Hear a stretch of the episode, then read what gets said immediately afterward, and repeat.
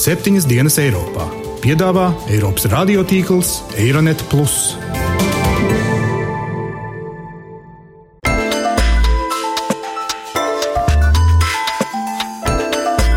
Šonadēļ septiņas dienas Eiropā dzirdēsim. Krievija tiek uzskatīta par absolūti neusticamu valsts. Patīk runāt vienu un darīt kaut ko citu. Ar 21. gadsimta līdzekļiem īstenotu propagandu. Krievu pasaules ideja pārnacionāls veidojums, kurš ignorē robežu.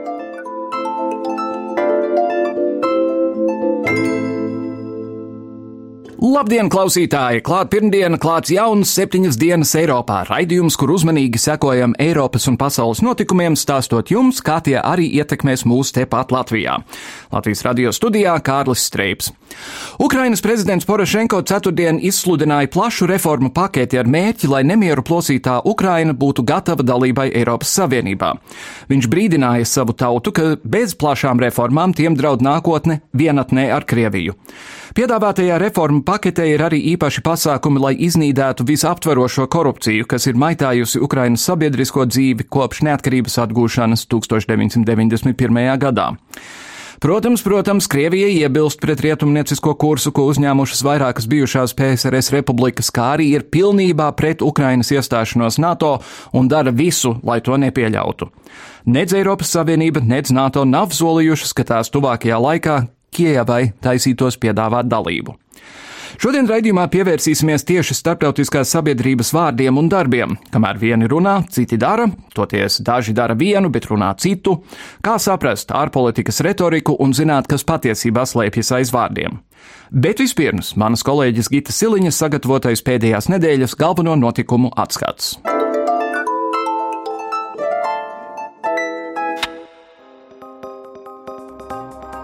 Pēc Skotijas neatkarības referenduma, kur ar nelielu pārsvaru tomēr nolēma neatdalīties no Lielbritānijas, pašu britu politiķu vidū sākusies šķelšanās. Premjerministra Dēvida Kamerona partijas biedri un leiboristi premjeram pārmet, ka solījumi mainīt Skotijas pārstāvju ietekmi Lielbritānijas parlamentā bijuši pāragri un varētu novest pie visas Britu konstitucionālās kārtības reformēšanas. Pētnieks no Brūkingsas institūta Tomas Fraits uzsver, ka pie tik līdzīgiem rezultātiem tikai radikāla politikas maiņa spēs nomierināt daudzos neatkarības atbalstītājus.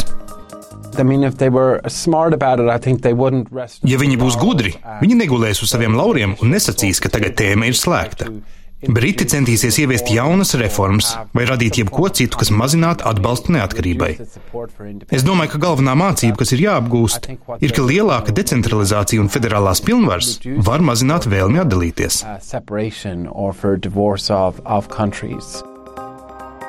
Amerikas Savienotajās valstīs ANO drošības padomes sēdē vienbalsīgi pieņēma vēsturisku rezolūciju, kuras mērķis ir apturēt ārvalstu ekstrēmistu došanos uz ārvalstīm. Lai gan vairums rietumvalstu mēdīja akcentēja rezolūcijas saistību ar džihādistiem Sīrijā un Irākā, rezolūcijas tekstā sacīts, ka tā attiecas uz cīņas laukiem visā pasaulē, tātad arī uz Krievijas algotņiem Ukrainā. Uzrunā pēc rezolūcijas ASV prezidents Baraks Obama sacīja, ka Krievija samaksās par savu agresiju Ukrainā. Taču vēlāk arī paziņoja, ka varētu atcelt Krievijai noteiktās sankcijas, ja Maskava ievēros pamiera nosacījumus. Dažas stundas vēlāk savā uzrunā ANO Ukrainas premjerministrs Arsenijs Jaceņuks gan mudināja rietumus nesteigties. We ask Mēs aicinām mūsu partnerus neatcelt sankcijas, līdz Ukraina nebūs pilnībā atguvusi kontroli pār savu teritoriju, sākot no austrumiem un beidzot ar Krimu. Krima ir, bija un būs Ukrainas daļa.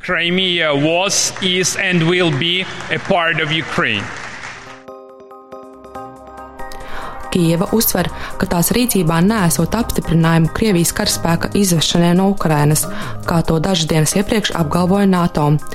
Krievija veicot vien Ukrainā dislocētā karaspēka rotāciju. Reaģējot uz notiekošo, Ukrainas prezidents Petro Porošenko izdeva dekrētu valdībai apsvērt īslaicīgi slēgt robežu. Tikmēr cīņa pret radikālo islāmistu grupējumu Islāma valsts var turpināties gadiem, paziņoja Pentagona amatpersonas. ASV kopš augusta veikušas gandrīz 200 uzlidojumus Islāma valsts pozīcijām Irākā, un tieši pirms nedēļas sāka arī pirmos gaisa uzbrukumus Sīrijai.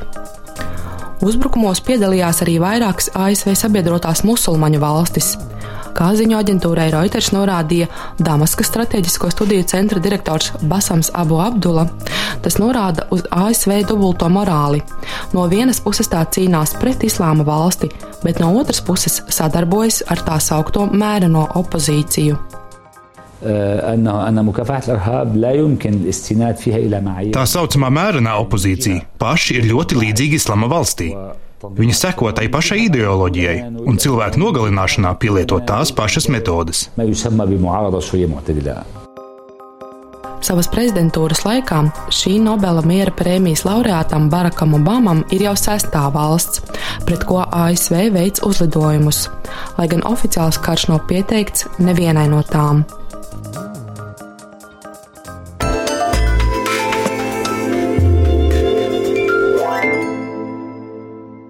Žurnālā Foreign Policy rakstniece Emīlija Pārkere raksta, ka Krievijas rīcība Ukrainā ir novērsusi pasaules uzmanību no Kremļa pašmāju uzbrukuma internetam.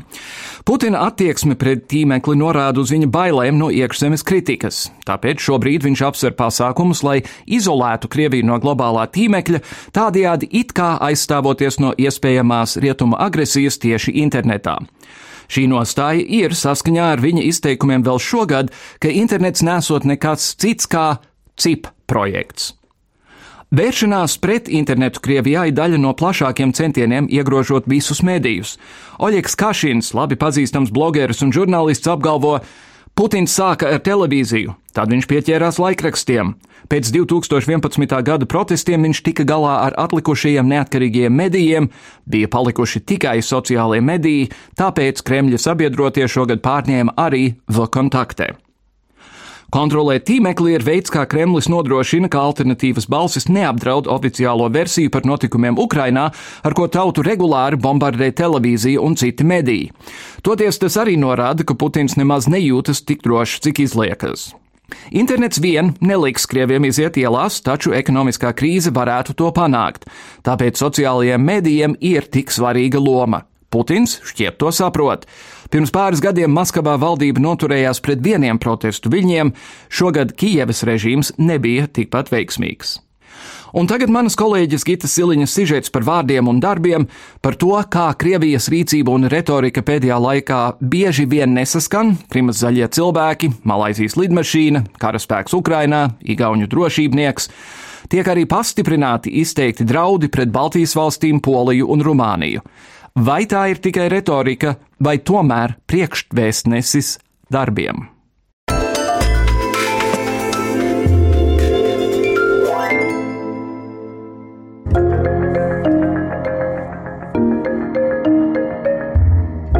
Zem tik cēlas idejas, kā Krievu pasaules ideja, slēpjas vai ir paslēpts milzums traģēdiju, militārs uzbrukums Ukrainai un arī būtībā nepārtraukts informatīvs uzbrukums, mistiski zaļi cilvēciņi, Malaisijas lidmašīnas katastrofa un vēl virkne citu notikumu.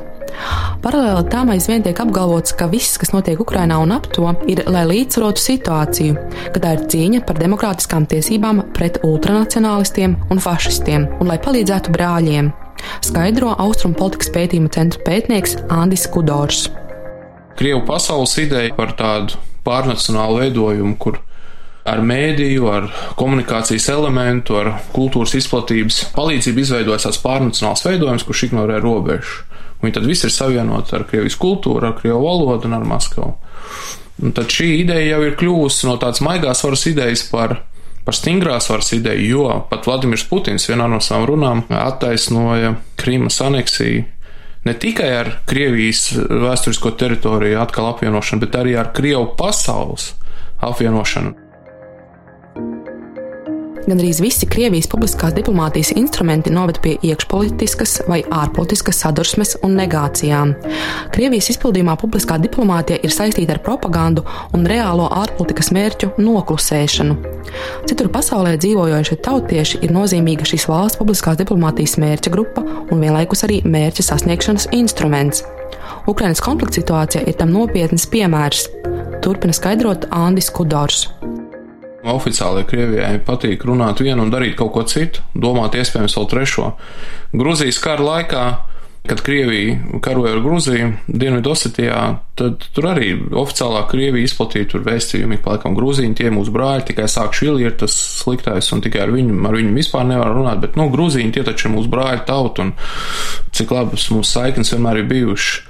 Tā ir tāda, nu, tas ir no tādas spin doktoringa teorijas, jā, tad spin doktorings nozīmē tāda jebkura notikuma pagriešana pozitīvai virzienā. Ja kaut kas negatīvs notiek, ja, tad ar mēdīju palīdzību viņš tiek ietērps kaut kādos pozitīvos rādītājos un pagriezts pretējā it kā virzienā. Kaut kāda sliktā ziņa mēģina pārvērst par labo.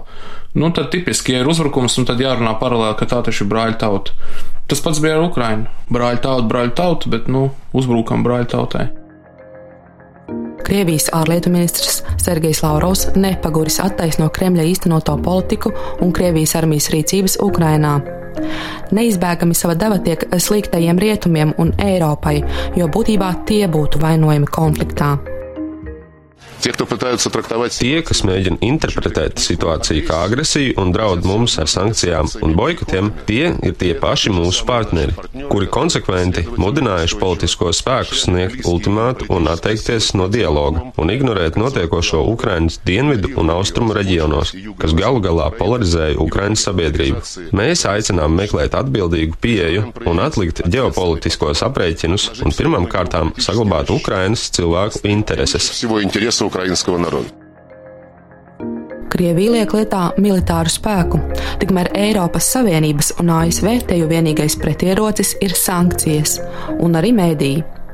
Taujājot, vai šī hibrīdkarā, kā to dēvē konfliktsituācijas analītiķi, ir iespējams risinājums ar Krievijas piekāpšanos, Andris Kudors skaidro, ka šāda iespēja ir maz ticama tās pretrunas ir tik liels un Putins ir tik uh, daudz ko licis uz spēles šajā konfrontācijā ar Ukrainu, ka, nu, No otras puses, protams, Krievijas varas elite ir pieradusi strauji mainīt kaut kādas arī propagandas uzstādījumus un, un spētu arī izskaidrot kaut kādu atkāpšanos, bet es domāju, viņi uztver Ukrainu, un Krievijas elite uztver Ukrainu kā ļoti principiālu strateģisku vietu, no kuras viņi negrib iet prom.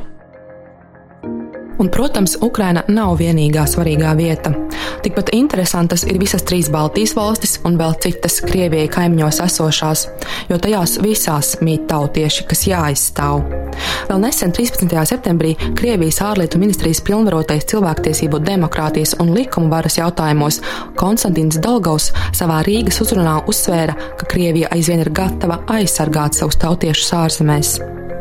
Par aizsardzību turpina Andris Kudors. Mm, tas, ko Krievija sauc par tādu aizsardzību, viņi jau pasniedz, ka viņi aizstāvās, jā, ka viņiem lūk sliktie rietumi ir sazvērējušies un mēģina ar NATO palīdzību pietuvoties Krievijas robežām, lai pēc tam, redziet, pārņemt arī visu Krieviju.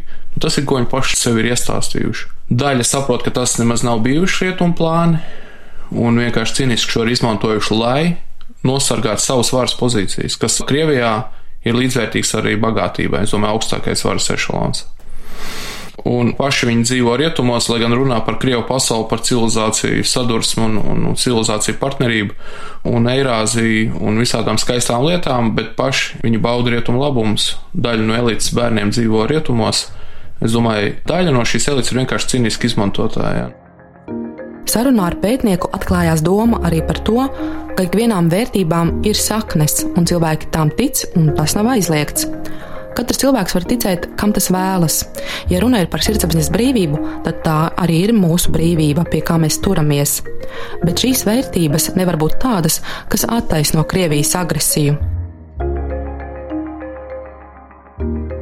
Tikmēr ukrāņu kinorežisors Sergejs Loznica pavisam svaigā intervijā Ilmāram Šlāpinam interneta žurnālā satarī.lv uzsver to, ka rietumu pasaule un Eiropa pārāk mierīgi reaģē, jo acīm redzot nespēja līdz galam saprast to, kas notiek Ukrainā un kāda loma ir Krievijai. Tas, ko mēs redzam no Eiropas puses, ir pilnīga neizpratne. Nu, apmēram šādi. Kāda problēma? Par ko jūs runājat? Tāda sajūta, ka Krievija ir atdevusi šo teritoriju, it kā nedaudz pieskata, bet tā tur ir nedaudz jostu pievilkusi. Un Eiropa nesaprot pretrunas. Faktiski tas ir tā, kā bija ASV, karš starp ziemeļiem un dienvidiem, pret verdzības iekārtu. Tur taču bija dziļa pretruna.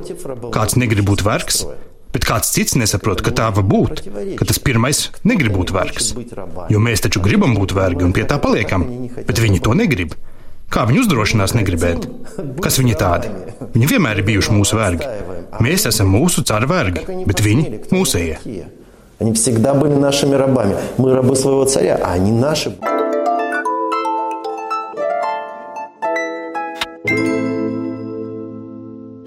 Lai apspriestu mūsu austrumu kaimiņu vārdus un rīcības un to, vai ārpolitiskajā retorikā šobrīd pastāv kādi skaidri zemteksti, no kurienes šai retorikai kājas aug, studijā esam aicinājuši komunikācijas zinātņu doktoru, Latvijas Universitātes filozofijas un socioloģijas institūta pētnieku Mārtiņu Kaprānu. Labdien! Labdien! Sāksim ar to. Mūsu klausītājiem šis jēdziens publiskā diplomātija var būt diezgan svešs, jo, jo kaut kā diplomātija jau vienmēr ir šādā vai tādā nozīmē publiska, un Krievija pie tam to sauc par sabiedrisku diplomātiju vai kaut kā citādāk. Ko tas īsti nozīmē? Nu, tā galvenā atšķirība no parastas diplomātijas, kas faktiski nozīmē valsts pamatā ārlietu resora strādāšanu, diplomāta strādāšanu ar, ar kaut kādiem konkrētiem ārpolitikas jautājumiem, bieži vien arī varbūt neredzamiem, neredzamā veidā strādāšana notiek, tad publiskā diplomātija ir vairāk virzīta uz vienas valsts centieniem pārliecināt otras valsts politisko eliti, arī sabiedrisko domu, atbalstīt kaut kādus konkrētus jautājumus vai atbalstīt kādas konkrētas valsts pozīciju. Līdz ar to par publisko diplomātiju mēs varam faktiski runāt jebkuras lielas, pirmkārt, pasaules valsts kontekstā. Nu, Amerikai ir noteikta publiskā diplomātija, kad runa, piemēram, ir par kādu militāru konfliktu, kurā iesaistīta ir Amerika un kur Amerikai ir svarīga, lai varbūt tā sabiedriskā doma, rietumu sabiedriskā doma noslēgtos par labu kaut kādiem konkrētiem Amerikas uzstādījumiem. Tad, protams, būs dažādi mēģinājumi caur mēdījiem, panākot intervijas konkrētos ietekmīgos mēdījos, mēģināt ietekmēt šo sabiedrisko domu. Jo mēs zinām, ka, piemēram, kaut vai kanāls CNN, kurš ir privāts kanāls, ja, bet tajā pašā brīdī viņš var tikt arī kaut kādā netiešā veidā, nu, es negribu teikt, izmantots, bet viņš var palīdzēt izskaidrot Amerikas pozīciju šajos mm -hmm. jautājumos. Līdz ar to publiskā diplomātija tādā demokrātiskas valsts izpratnē ir veids, kā viena valsts cenšas pārliecināt citu valsti vai citu valstu grupu par labu savām kaut kādām politiskajām interesēm. Un nedemokrātiska valsts? Jā, tas ļoti labs jautājums. Īsnībā pat varētu jautāt, vai nedemokrātiskas valsts kontekstā var lietot jēdzienu publiskā diplomātija, kas varbūt eh, lielā mērā ir izaudzis tieši no šīs demokrātisko valstu pieredzes, kā strādāt ar kaut kādiem ārpolitikas jautājumiem. Nedemokrātiskas valsts tā specifika ir, ka bieži vien eh, runa ir par ļoti specifiskiem vai īpatnējiem līdzekļiem, kas tiek izmantot šīs pozīcijas nostiprināšanai. Un, ja piemēram, demokrātiskajā valstī tas pamatu uzstādījums ir mēģināt kaut kā panākt kaut kādu vērtību sakritību vai kaut kādu vērtību dialogu. Nu, pieksim, es nezinu, starp Ameriku un Franciju, starp kuriem vienmēr ir pastāvējuši kaut kādas zināmas nelielas izpratnes problēmas vai atšķirīgi viedokļi tad Krievijas gadījumā īsti nav runa tik daudz par eh, mēģinājumiem atrast šo kopējo dialogu starp vērtībām vai izpratnēm, jo bieži vien ir tā, ka tās izpratnes par eh, konkrētiem jautājumiem, krievildīgo tiesību kontekstā, ja, vēstures jautājumu kontekstā, kā mēs izprotam Otro pasaules karu un tam līdzīgi, vai padomju savienības, tad uzreiz parādās ne tik daudz tas, ka, ka ir jāmēģina tas dialogs veidot, bet eh, ļoti lineāra vienvirziena komunikācija. Mm -hmm. Vai ar mums, vai pret mums tādā veidā. Bet vai šajā gadījumā tomēr nav pamats runāt vienkārši pamatīgākos vārdos patiesība un meli? Es domāju, ka Krievijas kontekstā mēs eh, varam runāt protams, par propagandu ļoti lielā mērā. Mm -hmm. Tā ka runa ir par mērķtiecīgu 21. gadsimtam, varbūt atbilstošu ar 21. gadsimta līdzekļiem īstenotu propagandu. Un eh, tas svarīgākais, varbūt, kas atšķir, eh, nu, piemēram, Krievijas publisko diplomātiju pirms diviem gadiem, kad bija nosacīta stabilitāte vai normalitāte, un visi urā gāja uz Sočiem, ja, kas arī ir viens lielisks publiskās diplomātijas projekts. Es domāju, tajā ziņā nu, lielisks varbūt viņš neliekās tiem, kuri pastāv uz budžetu, kādu tur veidoja, bet nu, tajā ziņā, ka, viņš, ka, jā, ka tas bija reāli, mēs varam uzskatīt kā publiskās diplomātijas projektu Soču olimpiskās spēles. Tā pašā brīdī, protams, līdz ko sāks konflikts, es domāju, šeit gan Ukraina, bet arī mēs varam pakāpties apakaļ un paskatīties uz Gruzijas piecu dienu karu, ja, un tur mēs mēs varam ieraudzīt pilnīgi citus Krievijas mm, līdzekļus, kādi tiek izmantoti, lai ietekmētu sabiedrisko domu. Un viens ir, piemēram, izmantot Krievijas lielos nacionālos televīzijas kanālus, kuri visi ir piedara tiešā vai pastarpinātā veidā valstī. Lielākie radiokanāli piedara visi valstī. Drukātie mēdī izdevumi. Un nu pat jau pēdējā desmitgadē arī tādi sabiedriskās domas kontekstā ietekmīgākie interneta kanāli. Kremlis mēģina arī šajā veidā monopolizēt to varu.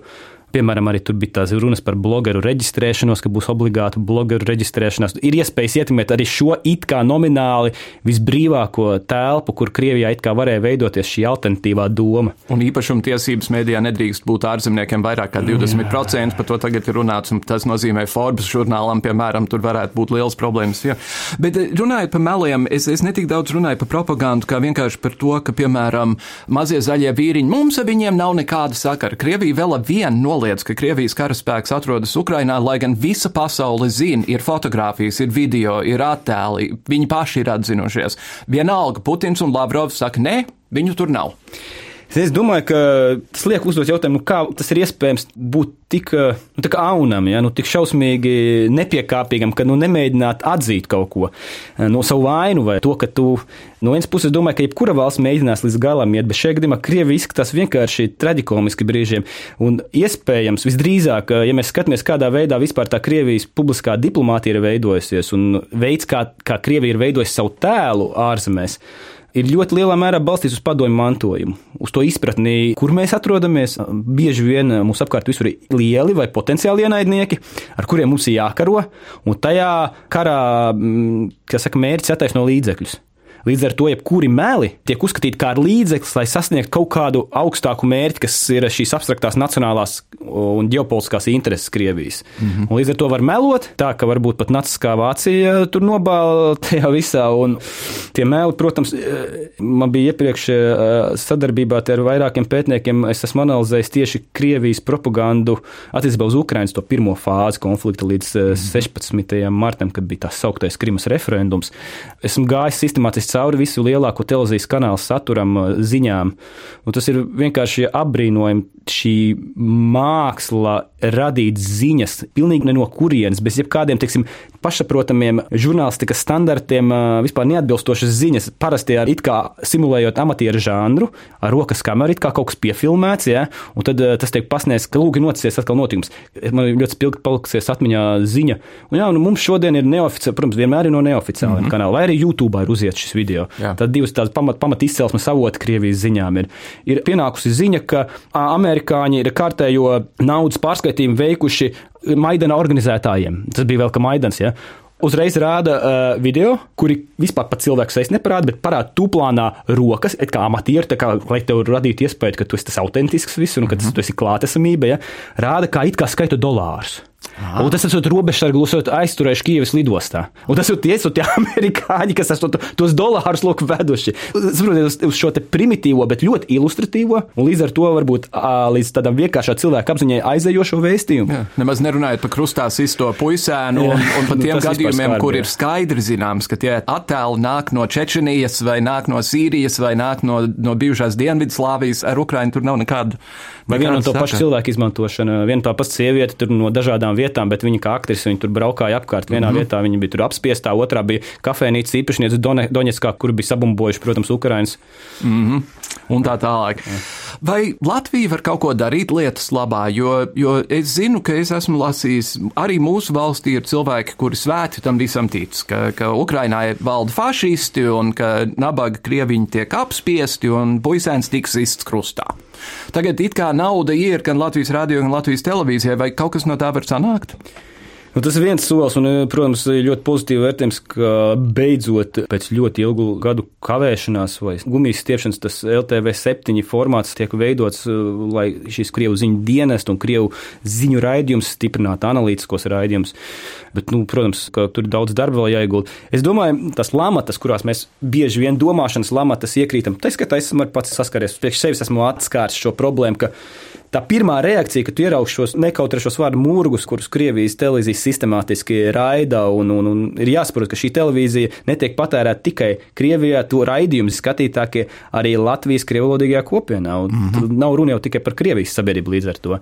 Jautājums tāds, mēs, protams, vienmēr to pirmo risinājumu, tādu intervencijas modeli, ja iesim, klapēsim ciet, taisīsim ciet cenzēsim, ja vajag. Ja, nu, Es pieļauju, ka tādā eksperimentālā pabaidīšanas nolūkā, un tas, kas bija tā pirmā reakcija, ka tur RTR uz kaut kādu mēnesi, es atceros, NRTVP laikam aizliedza retranslēt vai kaut kas tāds. Uz, uz trīs mēnešiem, un, un kabeļtelevīzijas reaģēja, jā, liekot tā vietā citu kanālu, kas bija tik ziņas ir internetā noskatāmas arī, tā kā mm -hmm. tas, mhm. tas, protams, bija tāds simbolisks žests. Bet, ja runā par tādu praktisku rīcību, un to jūs uh, dzirdat arī no, nezinu, no NATO partneru valstīm, uh, ka nu, mēs nevaram rīkoties ar tām pašām metodēm, ko Krievija paradusi darīt. Visu cenzēt, visu taisīt ciet, visu pasludināt par ārzemju aģentiem.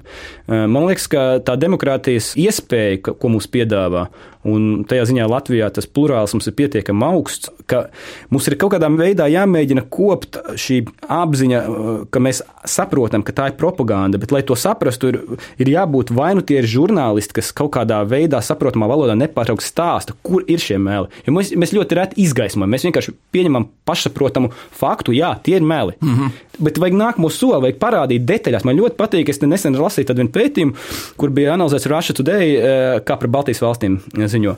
Un tur bija paņemts īstenībā viens raidījums, Spotlight, kur eh, nu, diskusija ir saruna raidījums, kur ir viens eh, krievu izcelsmes žurnālists, kurš vada šo sarunu. Un šis pētnieks ir vienkārši izējies tādu detalizētu cauri, parāda it kā simulējot tādu objektīvu, līdzsvarotu žurnālistiku tajā diskusijā, kā īstenībā ļoti lielā mērā caur šo diskusiju žurnālists mēģina panākt ļoti prokrievisku attieksmi mhm. skatītājos. Mm. Nu, nevelti no Russia Today vairākas amerikānietes aizgāja sakot, ka es tā vairs nevaru. Es Jā. nevaru piedalīties šajā procesā. Ko komunikācijas zinātne mums stāsta par propagandas eh, ietekmi cilvēku prātos? No kā rodas, eh, teiksim, latgalē dzīvojoša cilvēka pārliecība, ka jā, tik tiešām tas viss tā ir? Vai tā ir nezināšana, vai tas ir slinkums? Nu, vispār komunikācijas zinātnē lielā mērā ir izcēlusies tieši no propagandas pētniecības. Haralda Lasvēla slavenai pētījumi Otrā pasaules kara laikā ar nacismu, nacismu propagandu, kāpēc strādā uz kaut kādiem cilvēkiem. Mm -hmm. kā komunikācijas zinātne ir lielā mērā pateicība parādā tieši propagandai, jo tur sākās tas viss.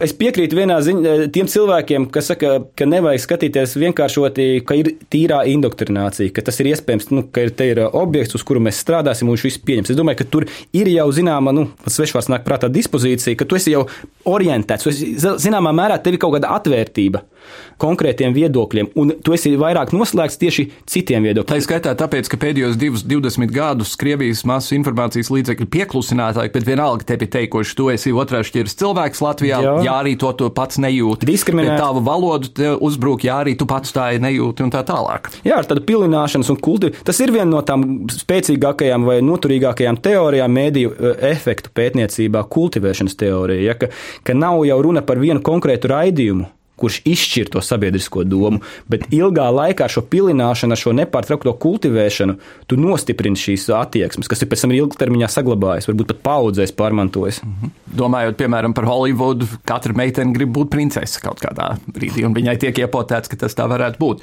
Man priekšā ir grāmata Krievijas publiskā diplomātija Latvijā, mediju un nevalstiskais sektors, kas ir pavisam svaigi iznākusi un kur arī mūsu viesim ir, ir materiāls, vai tas ir zinātnisks darbs, kas ir domāts citiem sociāliem sociologiem un filozofiem, vai tas ir plašākām tautas masām? Tā ir grāmata, kurā mēs esam mēģinājuši apskatīties, nu, kādi ir tie Krievijas ietekmes kanāli. Latvijā, kādā veidā Krievija mēģina īstenot tās savas strateģiskās intereses caur dažādiem kanāliem ietekmes, eh, sākot ar kultūru, mēdījiem, dažādām biedrībām, kā dažādas biedrības patiesībā ir iesaistītas tā sauktā pareizās vēstures izpratnes veidošanā. Viņi konkrēti pastarpinātā veidā visbiežāk saņem konkrētus grantus no Krievijas fondiem. Un, un strādā, vai uztur kaut kādas mājaslapas, kurās tiek pareizā vēsture mm -hmm. propagandēta. Arī pareizticīgās baznīcas loma, Krievijas pareizticīgās šeit es vēlos ļoti uzsvērt, loma tiek akcentēta. Lai gan ekonomistā bija pagājušajā nedēļā rakstīts, ka ja 70% apgalvo, ka viņi ir pareizticīgie, cik no viņiem tiešām katru svētdienu iet baznīcā? 1%. Jā, tas ir viens jautājums, Jā. bet otrs ir, nu, Krievijai tas ir kā pašreizējās Krievijas publiskās diplomātijas viens no pamattēzēm ir aizsargāt ar šo te pareizcīgās tradicionālās vērtības. Bet kas vienmēr ir tā paradoxā man pašam, ja, ka, ja mēs paskatāmies uz diviem lielākiem konfliktiem Krievijai pēdējos sešos gados, tie ir abi ar izteikti pareizcīgām zemēm. Mm -hmm. Tad par ko mēs runājam, par, kādām, par kādu vērtību aizsardzību mēs runājam, ja, ja jūs karojat, Grūzijā ir 85% no visiem ticīgiem ir pareizticīgie. Mm -hmm. Ukrainā vispār mēs nerunāsim, ja tur ir uniāti, bet vienalga tā ir ļoti pareizticīga zeme. Vai ir iemesls domāt, ka ar laiku Krievija tik tālu aizrunāsies visā šajā lietā, ka viņi būs spiesti darīt kaut ko no tā, ko viņi savā propagandā sola attiecībā uz Baltijas valstīm? Tas ir varbūt ārpus komunikācijas zinātņu jomas. Es domāju, ka Krievijai šajā ziņā ir, nu, ir liels problēmas, jo agrāk eh, viena no mērķa auditorijām Krievijas propagandai tomēr bija Rietumu valsts arī. Arī visa Raša Tudeiku, starp citu, mm -hmm. ne, jau uz, ne jau uz Latviju tas bija orientēts. Jā, un, Es tomēr domāju, ka ir kaut kas fundamentāli izmainījies rietumu sabiedrībā, lai gan vienmēr, protams, bija tāda ļoti īpaša attieksme pret Krieviju daudzās rietumu valstīs, bet es domāju, ka pašlaik Krievija tiek uzskatīta ne tikai kā eh, neparedzama, bet arī absolūti neusticama valsts. Un līdz ar to, jebkuri Krievijas mēģinājumi stāstīt par to, ka šeit eh, fašisms atzimst eh, vai ka šeit diskriminē krievus vai krievalodīgos, ir zaudējis vismaz kaut kādu būtisku pārliecināšanas spēku, kā tas bija pirms Ukrainas konflikta, es domāju. -hmm. Nu, dzīvosim, redzēsim. Mārtiņš Kaprāns, paldies par sarunu. Paldies!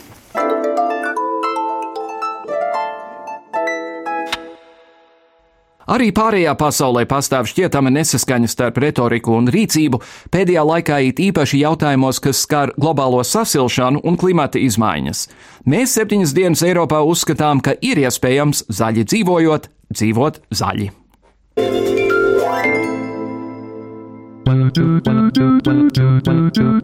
Pagājušo nedēļu Ņujorkā pasaules valstu galvas aicināja visas pasaules valstis sadarboties cīņā pret klimata izmaiņu radītajiem draudiem. Eiropas komisijas priekšādētājs Barozo sacīja, mēs esam Eiropas ekonomikas dekarbonizācijas procesā. Vai šādas uzstāšanās ir tomēr tikai vārdi, vai arī kādas reālas apņemšanās? Jo eksperti Eiropas Savienībai pārmet, ka tā tikai runā, neko jaunu neievieš un izliekas par klimata čempioniem. Telefonsarunā no Slovākijas komentē sabiedriskās politikas centra providus pētnieks Rēnis Āboltiņš. Nav tā, ka Eiropas Savienība tikai stāstītu par skaisto nākotni un uh, neko neparedzētu darīt. Nu, var sagaidīt, ka samita laikā, kas notiks šī gada oktobrī, Eiropas Savienība apstiprinās diezgan ambiciozus mērķus arī tā skaitā CO2 izmešu samazināšanai, un tie būs vēl ambiciozāki nekā tie ir bijuši līdz šim.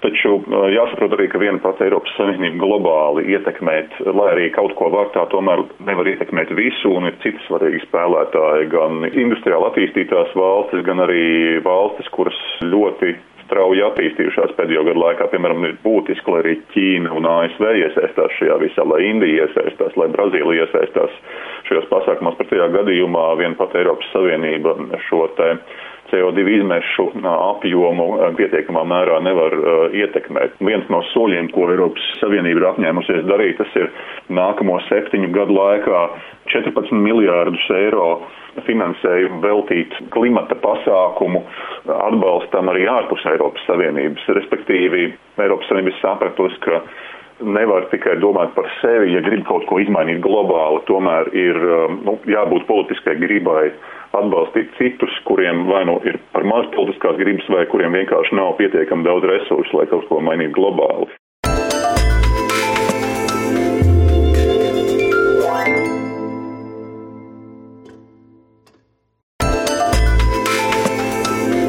Noslēdzas šīs nedēļas raidījums septiņas dienas Eiropā. Klausoties uz to, ko stāstīja kolēģis Kaprāns, man viena lieta tomēr nāk prātā, un tā ir tā, ka klausītāji, jums taču visiem ir paziņas, vai draugi, vai kolēģi, vai citādā veidā saistītas personas, kas varbūt tic visām tām muļķībām, kas nāk no Krievijas. Varbūt parunājiet ar viņiem, varbūt pastāstiet, varbūt viņi jums neticēs, bet mēs tomēr visi esam atbildīgi par to, kādā veidā šī situācija veidojas tālāk, un runāt patiesību vienmēr ir svarīgi, tad, kad ir plūdi ar meliem. Līdz nākamajai nedēļai, dāmas un kungi, visu labu!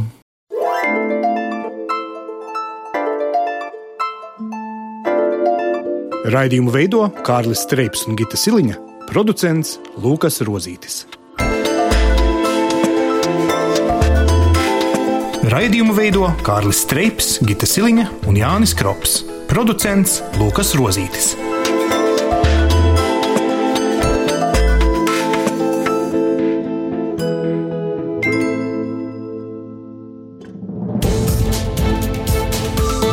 Visus Eironet plus sižetus un raidījumus meklējiet Latvijas radio mājaslapā.